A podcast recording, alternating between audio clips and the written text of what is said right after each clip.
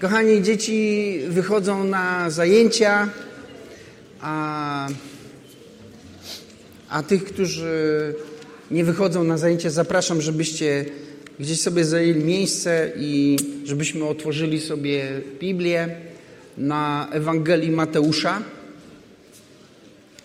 A, I na Ewangelii, Ewangelii Mateusza chciałem, żebyśmy otworzyli rozdział 14 i od wersetu 22. Coś tam pogłos mam straszny, więc bym poprosił o korektę. E... Bo jak nie skorygujesz pogłosu, to będę musiał zwolnić mówienie. Kiedyś. E... A kiedyś e, mieliśmy ślub, jedna para od nas z kościoła wynajęła salę w takim tradycyjnym kościele. E, i poszliśmy tam trochę rozejrzeć się, jak to tam wygląda. I po prostu e, Piotr, który jest akustykiem u nas w kościele od wielu lat, po prostu sprawdził e, echo. I jak klasnął, to 5 sekund trwało, aż to po prostu przestało, wiecie, się odbijać od tych wszystkich ścian. I muszę powiedzieć, że to było najgorsze doświadczenie jako mówcy w tym miejscu po prostu musiałem bardzo uważać, żeby nie dogonić swojego mówienia w tym, w tym, w tym budynku. I wiecie, pół kościoła się ze mnie śmiało, że dawno nie widzieli takiego poważnego i powolnego kazania w moim stylu. Więc do tego czasu trochę tam zwracam uwagę na pogłos. Chciałem, żebyście ten Ewangelię e, Mateusza 14 otworzyli od 22 wersetu, żebyśmy przeczytali tą historię, bo wierzę, że dzisiaj Duch Święty chce mówić do nas przez swoje słowo. Wiecie, byłem niedawno w Krośnie i powiedziałem to tam coś takiego, co, do czego jestem przekonany i w co wierzę, że Twoja zdolność do rozumienia Bożego głosu, do tego, co Bóg mówi do ciebie, nigdy nie będzie większa niż Twoje objawienie Słowa Bożego. Twoja zdolność do słuchania Bożego głosu nigdy nie będzie większa niż Twoje objawienie ze Słowa Bożego. Jeżeli to, co mówi Bóg, będzie wykraczać poza Twoje objawienie ze Słowa Bożego, które jest w Twoim życiu, to to, co będziesz słyszeć, to będzie szum wielu wód. I to widać w Księdze Objawienia. Macie Jana, wiecie, my podchodzimy czasami do Słowa Bożego bardzo relacyjnie. No, znamy Słowo Boże, tak jak wiecie, Jan znał Jezusa, przecież chodził z nim trzy lata, był tym jego najbardziej umiłowanym uczniem i tak dalej. No przecież kto znał lepiej Jezusa niż Jan? A jednak ten Jan spotkał się z Jezusem Chrystusem i kiedy czytamy o tym w Księdze Objawienia, Jezus odezwał się do Jana, a Jan usłyszał nie słowa, zdania i jakieś znaczenie, usłyszał szum wielu wód. Dlatego, że to, co mówił Jezus do niego, było, wykraczało poza jego zrozumienie słowa, które miał. Ponieważ Jezus rozmawiał z nim o przyszłości. Tak?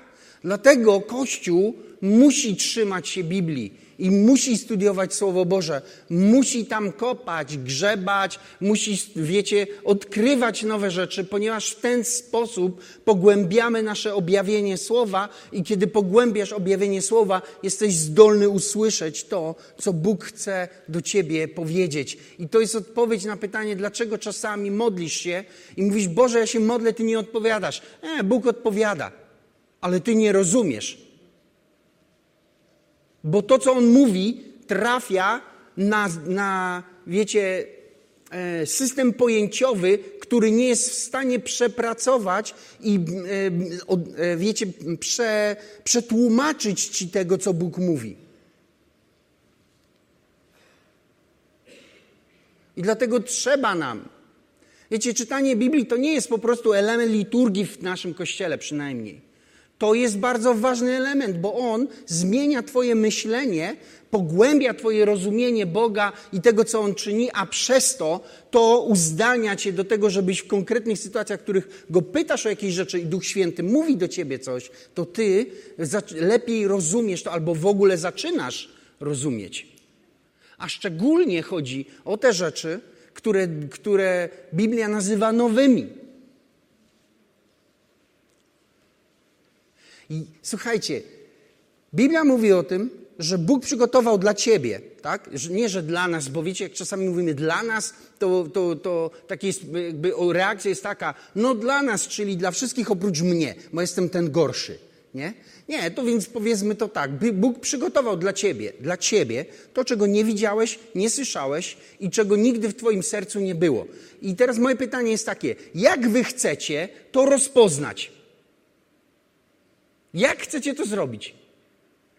Jak? Bóg przygotował coś dla ciebie. Nigdy tego nie widziałeś, nigdy o tym nie słyszałeś, nigdy, nawet w swoim sercu, w duchu, nie miałeś pojęcia o tym. I Bóg coś takiego wysyła. Jak ty chcesz to rozpoznać? Jak chcesz to zrobić? Byś próbował metodą prób i błędów? Może tak, może nie? Jedyny sposób, sensowny sposób, to jest to, żebyś czytał Słowo. A Słowo będzie cię otwierać na nowe rzeczy.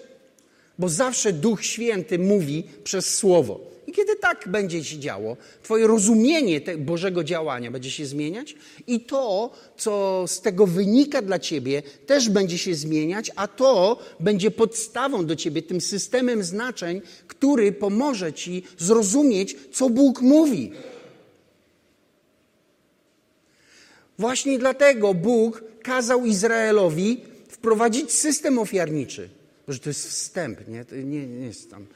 A Dlatego Bóg kazał wprowadzić system ofiarniczy. Dlatego kazał Żydom tyle set lat składać w kółko naokoło te ofiary, ci kapłani i te wszystkie wrzeźne ofiary i to i tamto i za to i za to i za to i za to i za wszystko i, i prawie za wszystko, wiecie, i, i po prostu cały żelazny system, którego nikt nie mógł, wiecie, yy, nikt nie mógł go spełnić i to nie było po to, żeby oni byli sprawiedliwi, to było po to, żebyśmy zrozumieli ofiarę Jezusa. Że Jezus umarł dokładnie za te wszystkie rzeczy. O to chodziło. I bez tego systemu ofiarniczego my byśmy nie byli w stanie zrozumieć, dlaczego Jezus musiał umrzeć. Ale ten system, który pokazuje, co się dzieje, kiedy ty grzeszysz i co należy zrobić, żeby twój grzech nie wpływał negatywnie na twoje życie, tak? To pokazuje nam, dlaczego Jezus umarł. Wiecie, dzisiaj jest tak, a co tam grzech? Grzech to jest przecież minąć się z celem. No. To więc co tam, machnę się tam o parę metrów, co to za problem? Wiesz, jak się nazywa machnięcie się o parę metrów w Biblii? Katastrofa. Jeżeli lecisz samolotem i machniesz się o parę metrów, to nie wylądujesz na pasie startowym, tylko obok. A jak wylądujesz obok, nie wiem, ja, ja byłem w wojsku, w, w, w, wojskach lotniczych i widziałem, co się dzieje, jak samolot zjeżdża z pasa. I to wiecie, to nie było prędko, powolutku to, to, ale się machnął młody pilot, wylądował po prostu w, w tej ziemi. To, to prawie nie da się tego wyciągnąć, tak jest taka masa żelastwa. Dlatego czytamy Biblię, dlaczego, dlatego studiujemy Słowo Boże. Dobra, myślę, że powiem, uczę się być posłusznym Duchowi Świętemu. Nie wiem, różnie mi to z tym wychodzi pewnie, ale Dzisiaj chcę zacząć od tego, co mi Duch Święty powiedział i myślę, że to jest wstęp, do, jakby takie przedstawienie tego, o czym teraz z, z Ewangelii Mateusza potem będziemy czytać. Otwórzmy sobie chwilkę jeszcze Księgę Kaznodziei Salomona, siódmy rozdział.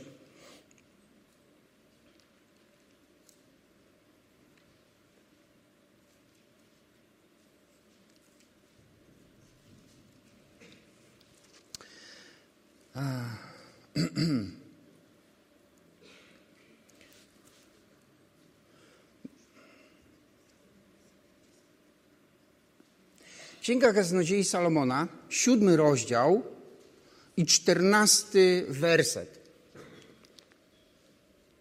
Uważam, że to jest proroczy werset, który dotyczy obecnych czasów i tych, których jesteśmy i będziemy. On mówi tak. W dniu dobrym korzystaj z dobra, lecz w dniu złym zważ. Również ten uczynił Bóg tak samo jak tamten, po to, aby człowiek nie dociekł z tego, co będzie po nim.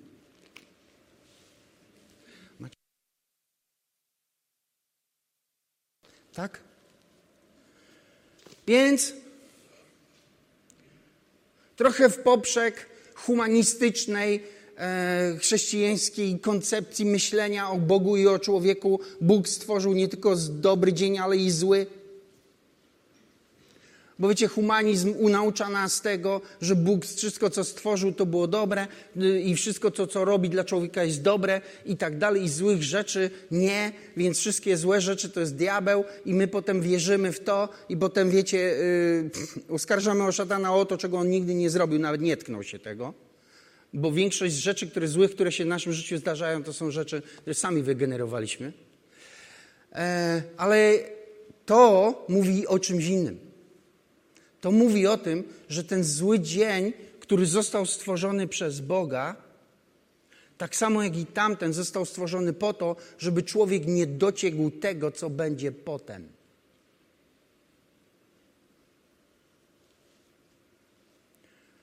Złe dni są zasłoną jutra.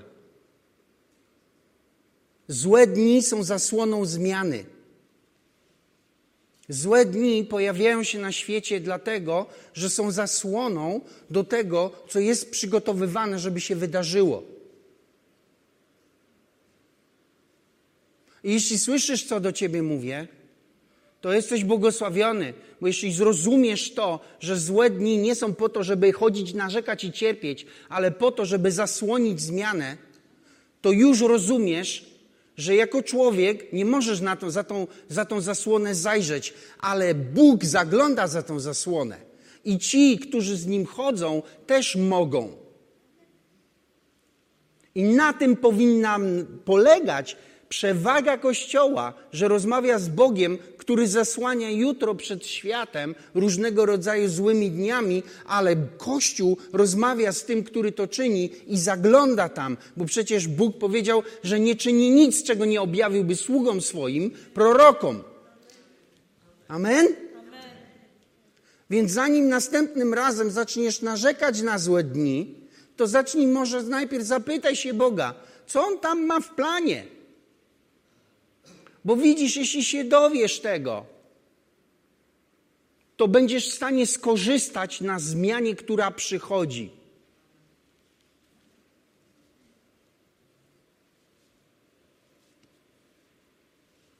Ja wierzę, że to jest słowo, które Bóg mówi do nas.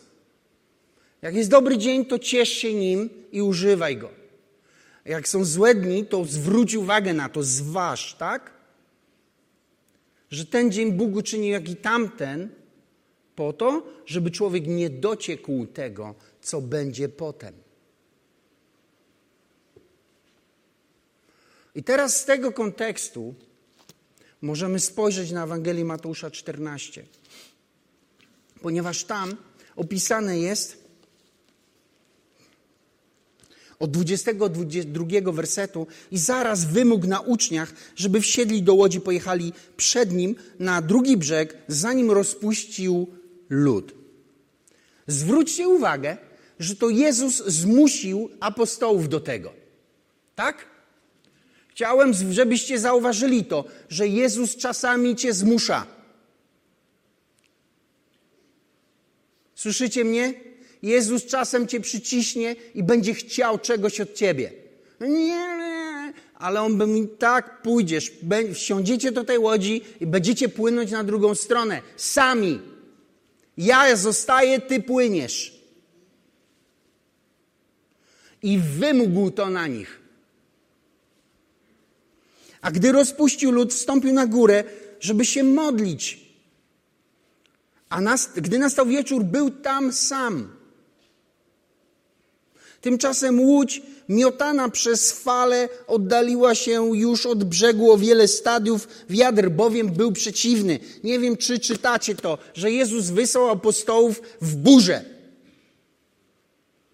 Jezus wysłał apostołów w burzę.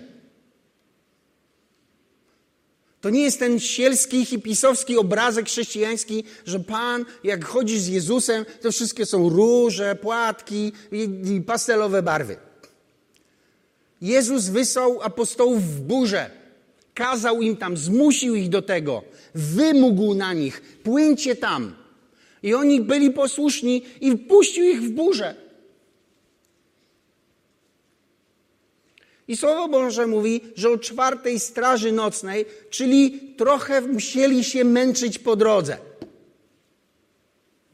Czy tam na tym morzu. To nie było tak, że wysłał ich, oni tylko krzyknęli, a i Jezus już przyszedł, no ratuje cię. Nie, oni tam się męczyli, musieli używać mięśni, musieli zmagać się z tą burzą, wylewać wodę z tej łódki. Nie wiem, jak ona była duża, tak?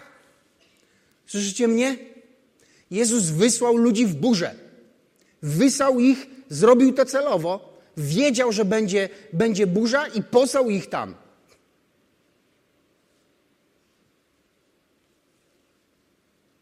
I o czwartej straży nocnej przyszedł do nich, idąc po morzu. Widzisz, Bóg wysyła cię w burzę i każe ci się z nią zmagać i oczekuje od ciebie wszelkiej wysiłku, używania mądrości, doświadczenia, wytrwałości, ale On wysyła cię nie po to, żebyś się tego uczył. On wysyła cię po to, żebyś był zdolny zobaczyć, że w tej samej sytuacji można postąpić inaczej. On wysyła cię w burzę po to, żebyś zobaczył, jak on chodzi po wodzie.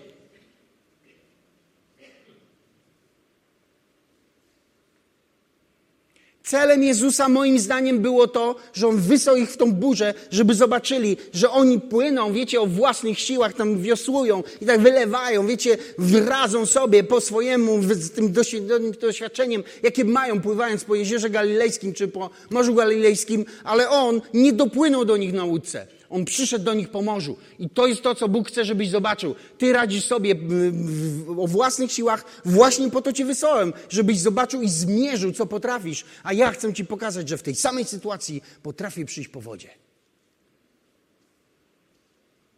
I widzicie, czasami potrzebny jest ten kontrast, bo bez tego kontrastu ciężko nam jest zobaczyć to, co się nazywa w chrześcijaństwie nadnaturalne.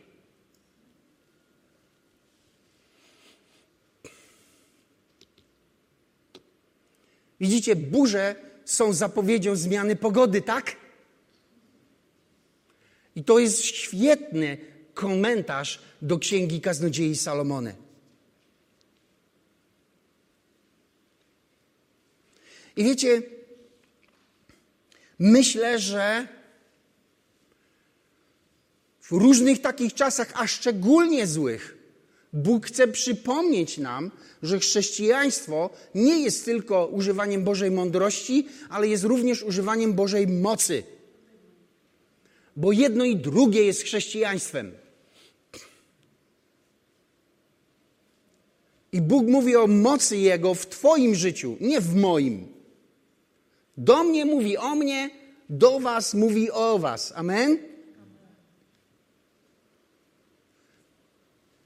Bo wiecie, cały czas to obserwuję, w kółko, że my chrześcijanie, zwłaszcza jak jesteśmy dłużej w Panu, wiecie co robimy? Czytamy Biblię innym. Na małżeństwie to świetnie wygląda. Żony czytają Biblię i mówią, słuchaj, chcę ci, mój kochany mężu, coś przeczytać. Mężowi miłujcie swoje żony. A mąż bierze tą samą Biblię i mówi, to ja ci też coś przeczytam. Żony, szanujcie swoich mężów. Tylko wiecie, kiedy Biblia mówi do, do pisze, kiedy w Biblii jest napisane coś o, o, mężach, tak, to jest do mężów, to mężowie mają czytać, a jak jest o żonach, to żony mają czytać, tak? Więc Bóg mówi do żon o żonach, a do mężów o mężach. Nie? Wiecie o czym mówię, czy nie? A nie, że my sobie nawzajem, wiecie, nawzajem sobie będziemy się w miłości napominać. Bracie, przeczytam ci tu coś. Co ty myślisz? Tak, rozumiem. Już czuję się potępiony.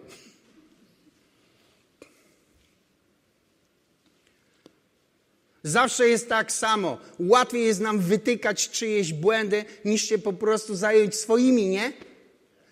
Ale Jezus co powiedział? Zanim komuś wyciągniesz źdźbło z jego oka, to przyjrzyj się czasem, czy to źdźbło w jego oku nie jest przypadkiem odbiciem belki w twoim. Amen?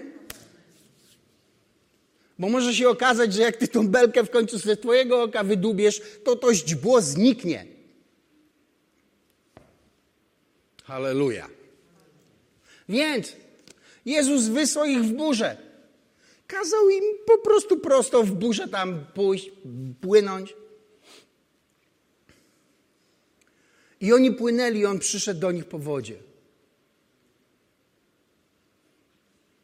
Wiecie, myślę, że w chrześcijańskim życiu nadnaturalność musi być częścią codzienności. Dlatego, że my mamy tendencję do tego, żeby wszystko, im dłużej jesteśmy chrześcijanami, żeby sprowadzać wszystko do tych naturalnych rzeczy. I zapominamy o tym, że chrześcijańskie życie musi być nadnaturalne również. I to Jezus chciał przypomnieć apostołom że jest naturalny sposób poruszania się w czasie burzy i jest nadnaturalny sposób poruszania się w tej samej burzy. Słowo Boże mówi, że Pan Jezus powiedział: błądzicie, ponieważ nie znacie pisma ani mocy Bożej, ani tego, ani tego. I to jest tak potem, że my mamy, wiecie, dwie, dwie frakcje, dwa obozy. Jeden obóz to jest ten, który jest po stronie pisma, drugi obóz to jest ten, który jest po stronie mocy Bożej. Jedni drugim udowadniają, że tamci nie mają racji, a że oni mają rację, podczas gdy prawda jest taka, że nie mają jej jedni i drudzy dlatego że Słowo Boże mówi, że będziemy błądzić tak długo, jak długo nie będzie w naszym życiu tych dwóch rzeczy. Nie będzie pisma i nie będzie mocy Bożej. Nie będzie tego i tego. Musi być charakter w chrześcijaństwie, muszą być dary w chrześcijaństwie, musi być mądrość Boża i musi być moc Boża. Musi być jedno i drugie. Kiedy to jest razem, wtedy mówimy o chrześcijaństwie. Dlatego nadnaturalność musi wrócić do chrześcijaństwa, do codzienności. Więc to jest moje pytanie, które zostawiam bez odpowiedzi. Czy w Twoim życiu funkcjonuje nadnaturalność? Czy już tak się ześliznąłeś w stronę samej naturalności?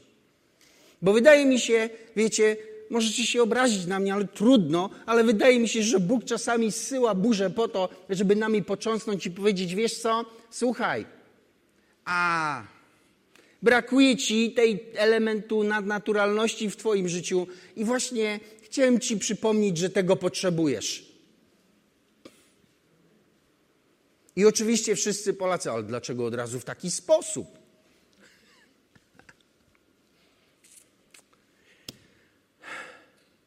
I uczniowie, widząc idącego go po morzu, zatrwożyli się i mówili, że to zjawa, i ze strachu krzyknęli.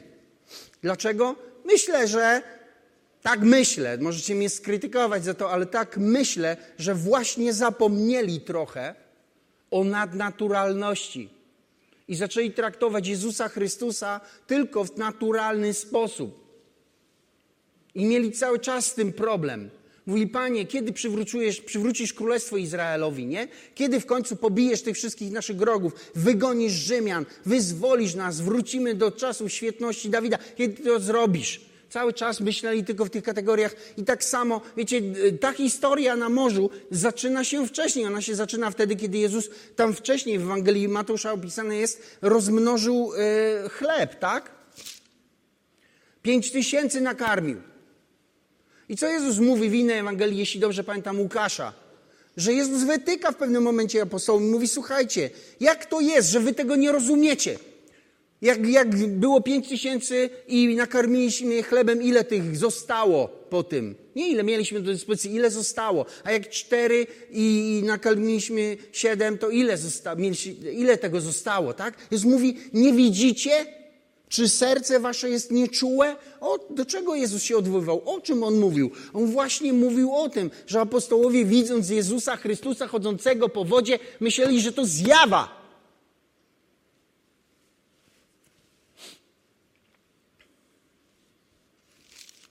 I,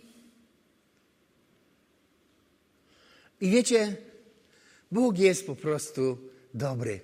I jak my się gdzieś tam zapędzimy, to On, wiecie, nie wyciąga nagle swojego arsenału, który mógłby nas skarcić, ale wychodzi do nas. I Jezus powiedział do nich, odezwał się i powiedział, ufajcie i ja jestem, nie bójcie się. Nie bójcie się.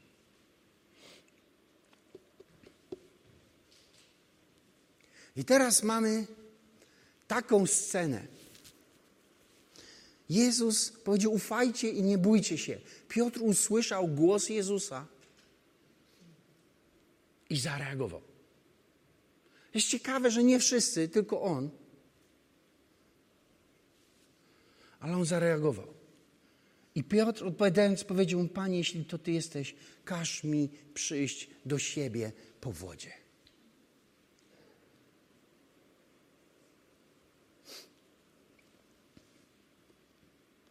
I myślę, że życie chrześcijańskie, które odbywa się, w którym przemieszczanie odbywa się tylko za pomocą łódki, jest smutne. Jest smutne i rozczarowujące.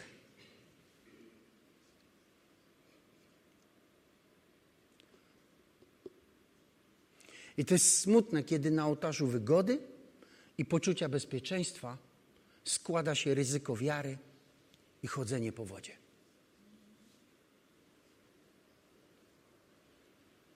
Chodzenie z Jezusem Chrystusem będzie zawsze cię kosztować jakieś ryzyko wiary. Będziesz musiał zaryzykować. Jeśli nie będziesz chciał ryzyka, to cały czas będziesz obok tego, co jest nadnaturalne.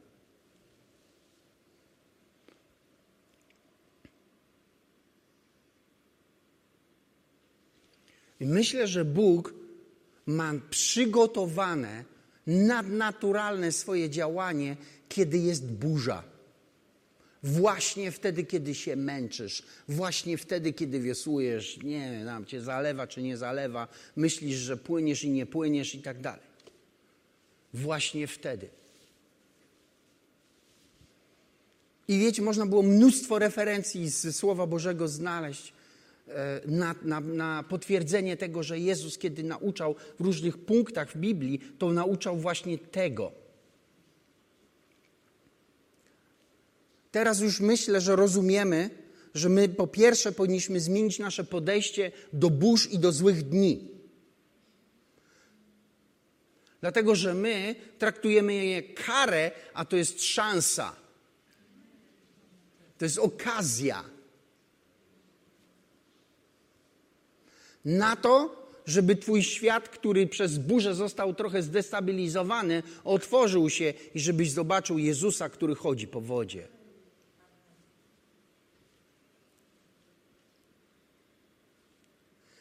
I wiecie, to jest niesamowite. Piotr usłyszał Pana, ufajcie, nie bójcie się, to ja jestem. I Piotr, wiecie, chciał wykorzystać tą możliwość i mówi tak, to ja zdecyduję się, ja spróbuję wyjść poza to, co naturalne. Wyjdę z tej łódki. Ale był na tyle mądry, żeby to zrobić po Bożemu, a nie po swojemu. Bo myślę sobie, że spora rzeź, znam iluś chrześcijan, którzy mówią, próbowałem, nie udało się. Widziałem, jak Jezus chodzi po wodzie, wyskoczyłem z łódki i utonąłem. Ale chodzenie po wodzie nie polega na tym, żeby naśladować dobry przykład. Mam nadzieję, że mnie słyszycie. Chodzenie po wodzie nie polega na tym, że widziałem, jak Jezus to robi, teraz ja to zrobię. Na tym to nie polega. Bo gdyby polegało, to wiecie, dwunastu apostołów zobaczyłoby Jezusa, wyskoczyliby i by po prostu biegali i się rzucali, wiecie, nie wiem czym tam, tej burzy. Ale nie zrobili tego. I Piotr też tak nie zrobił. I powiedział, Panie, jeśli to Ty, to każ mi przyjść do Ciebie po wodzie. I wiecie, poruszanie się w nadnaturalnej sferze chrześcijańskiego życia nie odbywa się na podstawie przykładu, odbywa się na podstawie słowa, które Bóg przemówi do ciebie.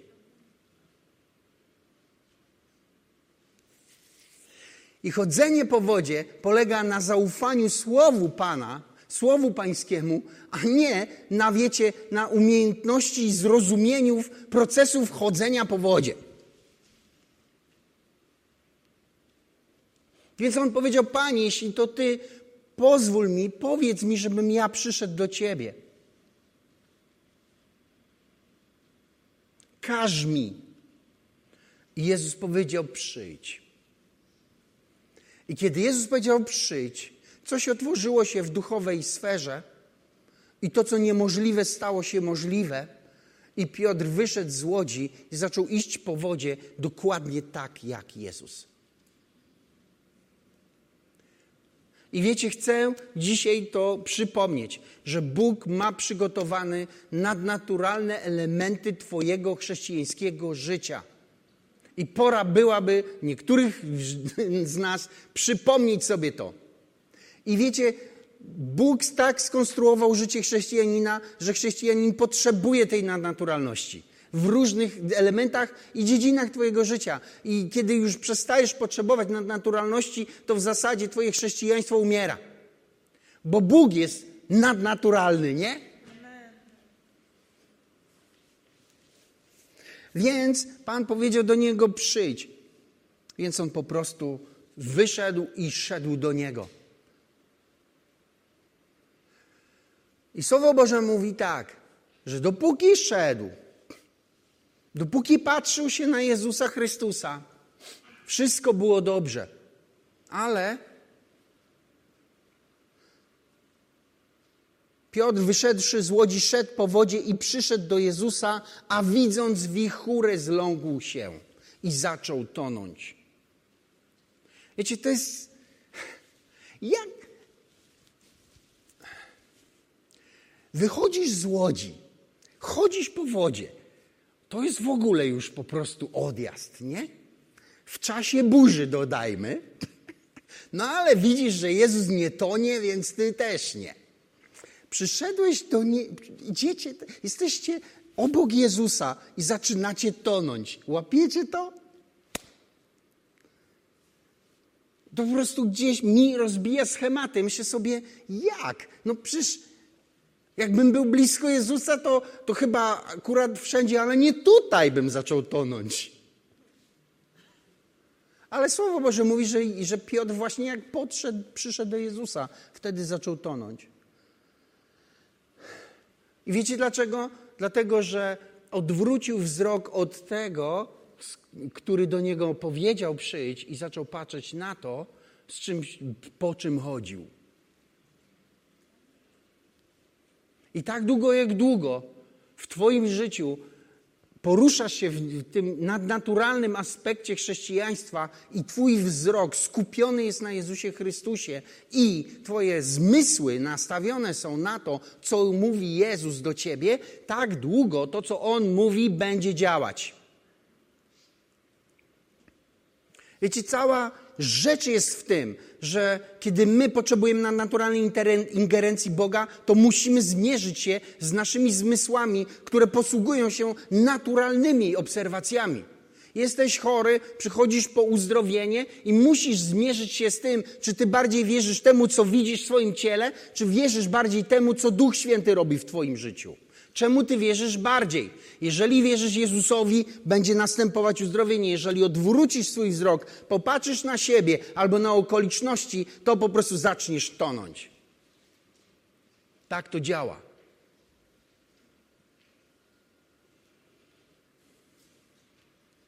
Wiecie, myślę, że to odnowienie chodzenia w nadnaturalności musi, czy powinno się zacząć od tego, że nadstawimy nasze ucho i usłyszymy, co mówi Duch Święty do nas, a potem będziemy się tego trzymać. Będziemy się tego trzymać bardzo konkretnie.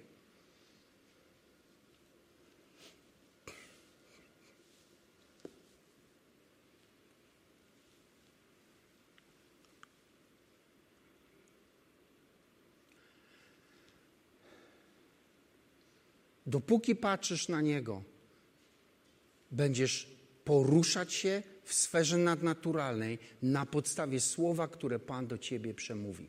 Jestem przekonany, że Bóg chce przemówić do każdego, który tu jest i słucha mnie. Coś na temat Twojego życia, co postawi Cię na falach, co pomoże Ci w nadnaturalny sposób poradzić sobie z tym, co, z czym się mierzysz w Twoim życiu. Ale musisz to umieć usłyszeć, a potem zaufać temu. Bardziej niż sobie. Bo na tym polega wiara. Że nie patrzysz już na siebie, ale patrzysz na Niego. List do Rzymian mówi o tym, że kiedy Abraham usłyszał, że będzie miał dziecko, to Pismo mówi, że nie zwątpił, widząc swoje ciało, ale wzmocniony wiarą oddał chwałę Bogu, mając pewność, że to, co on obiecał, ma moc i uczynić. Na tym to polega, że Bóg mówi coś i to, co on do ciebie mówi, jest przeciwko temu, co ty wiesz. Bo na tym polega działanie nadnaturalne. I ty musisz się z tym zmierzyć. Czy będziesz dalej udowadniać Bogu? Nie, to tutaj tak nie działa, panie. Czy uznasz, że jednak Jezus wie lepiej, kiedy mówi do ciebie? Amen? I to jest Twój wybór. Ty wybierasz, kiedy się modlisz, kiedy Słowo Boże czytasz, kiedy rozmawiasz z chrześcijanami, kiedy Duch Święty porusza Twoje serce, Ty wybierasz. Czy ja będę tego słuchał? Nie będę tego słuchał. Będę posłuszny? Nie będę posłuszny. Pójdę za tym, będę dyskutować, że burza jednak jak trochę może minie.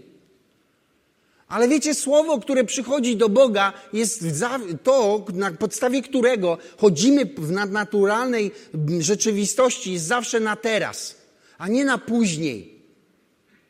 Więc jak Pan mówi coś do ciebie, to to jest teraz. Wstań i idź, a nie. Dobra, możesz za pięć minut. Nie możesz za pięć minut. Nie wiem, czy słyszycie mnie. Modlicie się o różne rzeczy. Prosicie Boga o coś.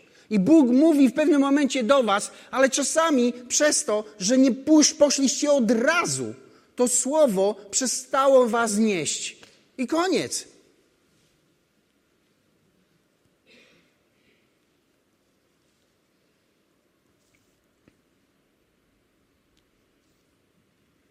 Wiara nie polega na tym, żebyśmy my bazowali na swoich siłach. To jest wierność.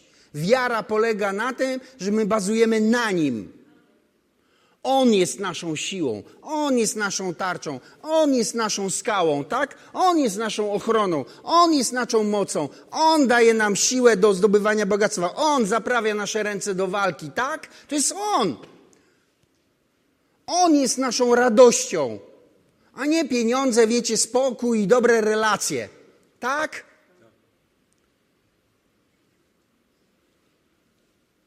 I Piotr powiedział: Panie, każ mi przyjść do siebie. I Pan powiedział: Przyjdź. I Piotr szedł i zaczął tonąć.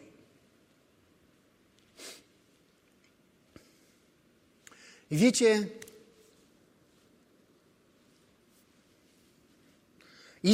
Jedno z najgorszych pytań, jakie sobie zadaję, jest to, dlaczego niektórzy ludzie toną i nie wołają? Bo kiedy Piotr zaczął tonąć, zawołał: Panie, ratuj. I to jest coś, co mnie po prostu mocno dotyka. Że są ludzie i, i widzę takich ludzi, którzy będą tonąć w milczeniu i nie zawołają.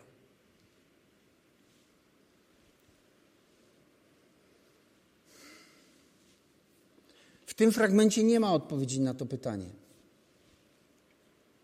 Ja go też nie znam. Ale jeśli ty jesteś w jakimś takim miejscu i toniesz, to chcę dzisiaj ci powiedzieć: zawołaj. Zawołaj. Zawołaj do Jezusa. Zawołaj do Niego. Bo widzisz, kiedy Piotr zaczął tonąć, Jezus najpierw wyciągnął rękę, najpierw go postawił do pionu, najpierw przywrócił jego duchową sytuację, a potem powiedział do niego, zaczął rozmawiać z nim na temat jego niewiary. Słyszycie mnie? Jak toniesz, zawołaj. Do niego zawołaj. Do Jezusa. I wiecie, czasem to jest dobra modlitwa, czasem to nie jest dobra modlitwa. Jeżeli modlisz się tylko w ten sposób, to niedobrze. Ale czasem jest taki moment, w którym nie ma miejsca na nic innego i trzeba po prostu stanąć i zawołać: Panie, ratuj! Ratuj! I ja wiem, że On wyciągnie rękę, złapie cię i cię podniesie.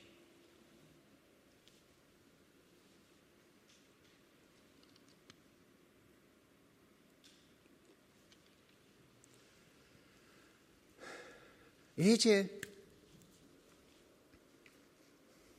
po środku tej całej burzy, w tym nadnaturalnym momencie, kiedy Piotr chodził po wodzie, potem utonął, potem Jezus go wyciągnął. Piotr zmierzył się z największą swoją traumą, ze swoją niewiarą.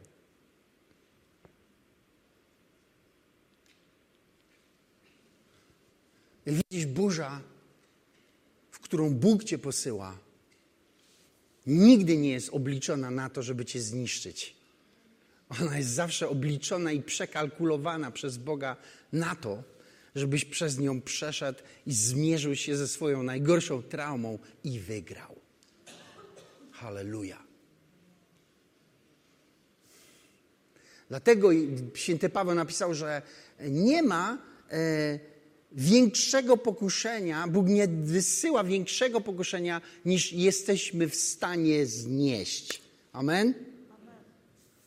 Dobra, teraz Wam wytłumaczę, dla co powiedzieliście Amen. Któregoś dnia modliłem się i mówię tak, Panie, to już jest za dużo. Nie dam rady. Rezygnuję, odpuszczam. Koniec. A Jezus mówi do mnie: Dasz radę. A ja mówię do niego: Nie dam rady. A on mówi do mnie: Dasz radę. A ja mówię do niego: Nie dam rady, to już jest za dużo. I chcę Wam powiedzieć, co Jezus do mnie powiedział. Powiedział do mnie tak: Dasz radę, bo ja znam Cię lepiej niż Ty sam siebie.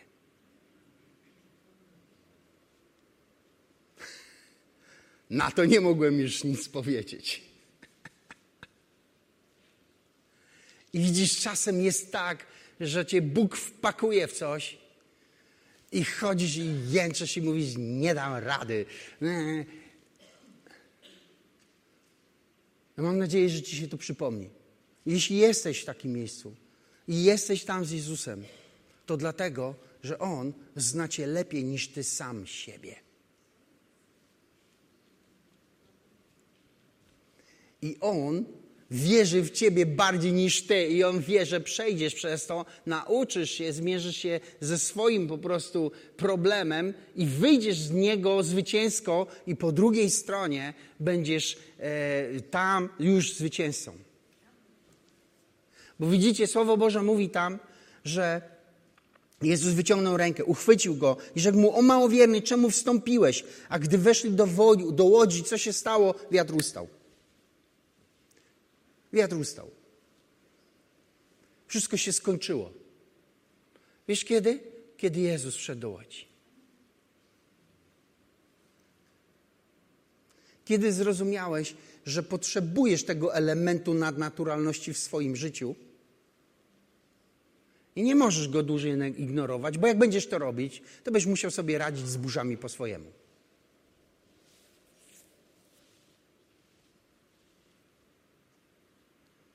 Ale Ten fragment tutaj się nie kończy, dlatego że potem napisane jest, że gdy się przeprawili, przybili do ziemi Genezaret. I słuchajcie tego. I poznali go mężowie onej miejscowości. Roznieśli wieść po całej owej okolicznej krainie i przyniesiono do niego wszystkich, którzy się źle mieli. I prosili go, aby mogli się dotknąć jego szaty. A ci, którzy się go dotknęli, zostali uzdrowieni.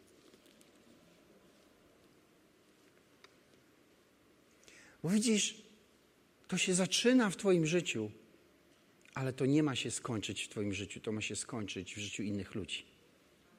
Oprócz Ciebie ktoś jeszcze czeka na to, czego Ty nauczysz się od Boga. Żebyś się tym podzielił, żeby, z tego, żeby, żeby ten ktoś na tym skorzystał, żeby on też posmakował dobroci Bożej.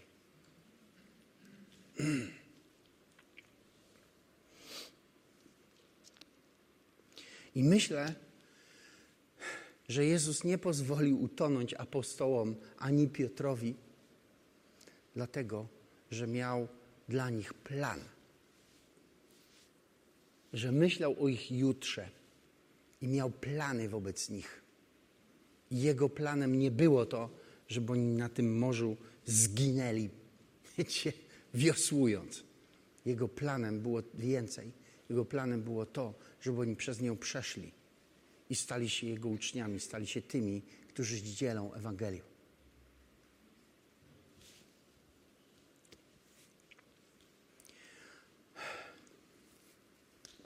I myślę, że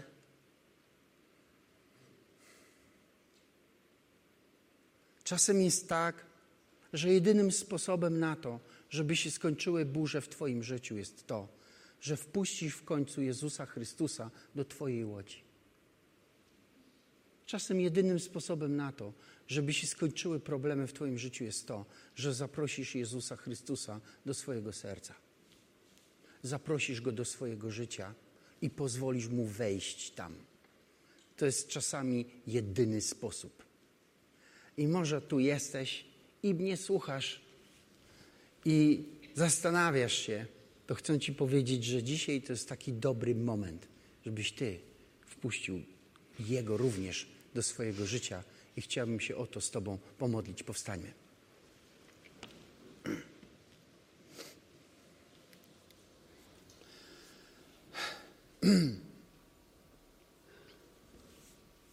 Pan Jezus, kiedy przyszedł na ziemię, doprowadził do tego, że to, co było trudno, stało się, trudne, stało się łatwe, a to, co było skomplikowane, stało się proste. I On również i tą rzecz, to zaproszenie Chrystusa do swojego życia uczynił prostym.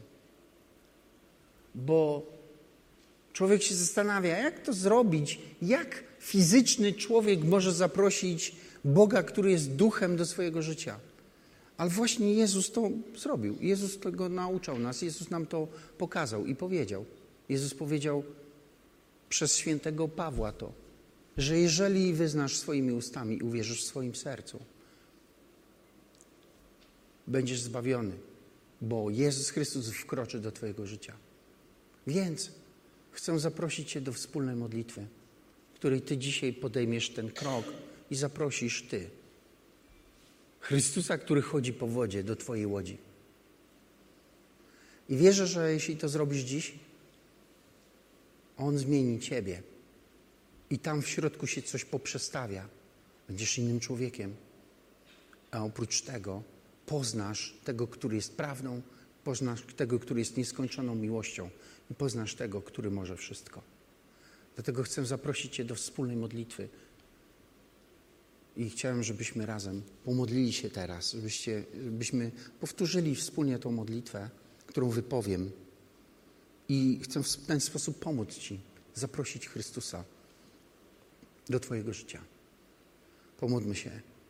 Panie Jezu, wierzę, że umarłeś za moje grzechy i za całe moje dotychczasowe życie.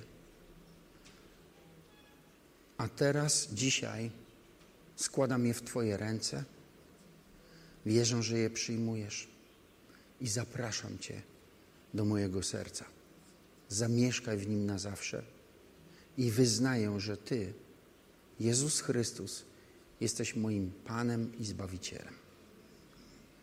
I od dzisiaj decyduję, że będę za Tobą podążać, że będę Cię naśladować, będę się od Ciebie uczyć przez resztę moich dni. Amen.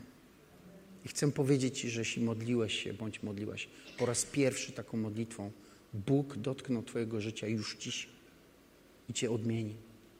Coś się zmieni w Twoim życiu. A my chcemy Ci pomóc w tym. Chcemy być wsparciem dla Ciebie, pomocą, poradą, odpowiedziami na tyle, na ile potrafimy. Bo my chcemy, żebyś poznał Jezusa. Bo to jest najpiękniejsza rzecz, może, której może doświadczyć człowiek. Amen. Dziękuję. Uwielbiam Pana.